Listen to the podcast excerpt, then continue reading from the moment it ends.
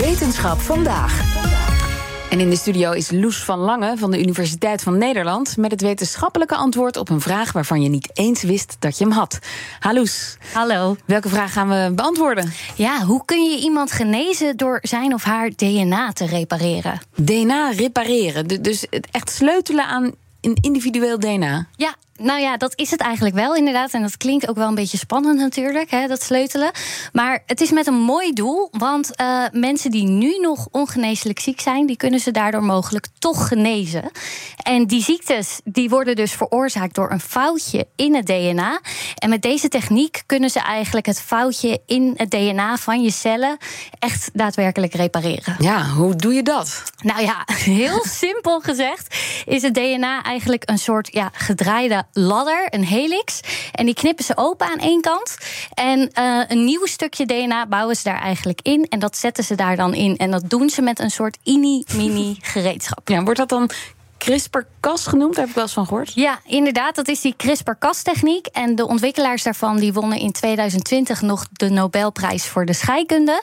En die techniek die ontwikkelt Sabine Fuchs door. Zij is kinderarts en onderzoeker bij het UMC Utrecht. En zij behandelt eigenlijk kinderen met erfelijke leverziektes, waar nu nog geen genezing voor mogelijk is. Ja, dit soort genetische ziektes heb je voor de rest van je leven. Voor een boel van dat soort ziektes bestaat er nog geen medicijn. Of is een medicijn geeft alleen maar symptoomverlichting. Nou, het zou echt mijn droom zijn dat we patiënten beter maken en echt de ziekte genezen.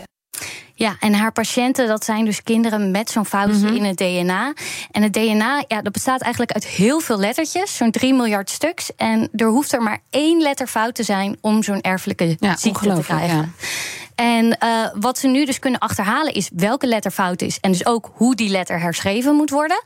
Uh, het probleem is alleen, ja, DNA zit in al je cellen in het hele lichaam. En het is natuurlijk lastig om al die cellen te repareren. En daarom focussen ze nu eerst op erfelijke ziektes in één orgaan, in de lever dus.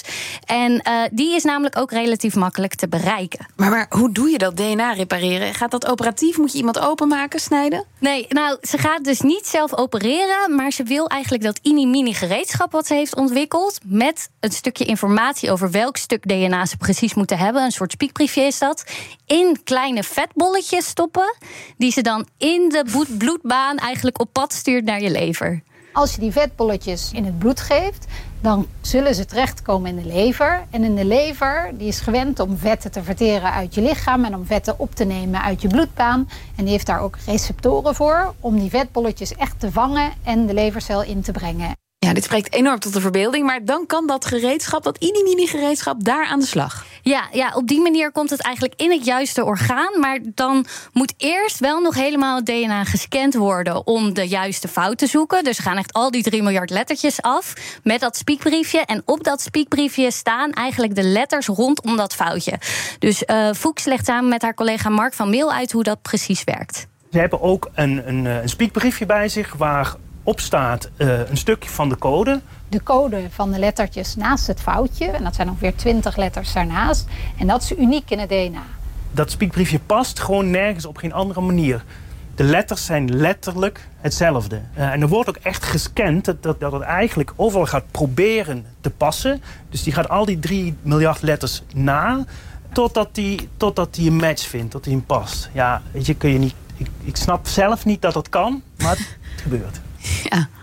Ja, en als dat foutje in het DNA dan gevonden is, dan begint dus die reparatie met dat inimini gereedschap, een soort schaar. Kan je, zo kan je het zien. Dan kan het schaartje kan erbij komen om een van die DNA-strengen kapot te knippen. Dus dan open je dat DNA. En het andere wat je dan nodig hebt is, uh, ja, je zou kunnen zeggen, een soort pen die de nieuwe code in DNA-bouwstenen uh, schrijft, uh, aan elkaar plakt. En daarmee het uh, foute stuk vervangt door het goede stuk. Ja, maar moet die reparatie dan in alle levercellen in dit geval worden uitgevoerd? Nou, Fuchs verwacht dus eigenlijk maar 5 tot 10 procent van die levercellen te hoeven behandelen. En dat het genoeg is om de lever te laten functioneren. En uh, dat ze zoveel vertrouwen ook heeft in die behandeling, is omdat ze het heeft getest op mini-levertjes in het lab. Oh. Dus ze kweekt eigenlijk een soort mini-organen van haar patiënten waar ze die behandeling op test. En die resultaten zijn dus heel veelbelovend. In het laboratorium lukt het nu echt heel goed om dat soort levercellen te behandelen. Dus de stap die we nu nog moeten nemen is het onderzoek doen in een diermodel. Dus dat zijn proeven waar we volgende week mee gaan beginnen. Super spannend. En dan komt het hele traject om dat dan weer te gaan ontwikkelen naar een behandeling bij een mens. En wanneer hoopt ze dan de eerste patiënten ook echt te genezen?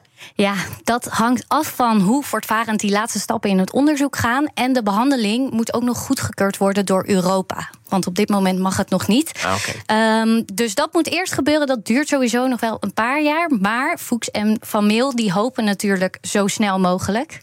En uh, we gaan het in de gaten houden. Zeker. Dankjewel, Loes van Lange. Hardlopen, dat is goed voor je.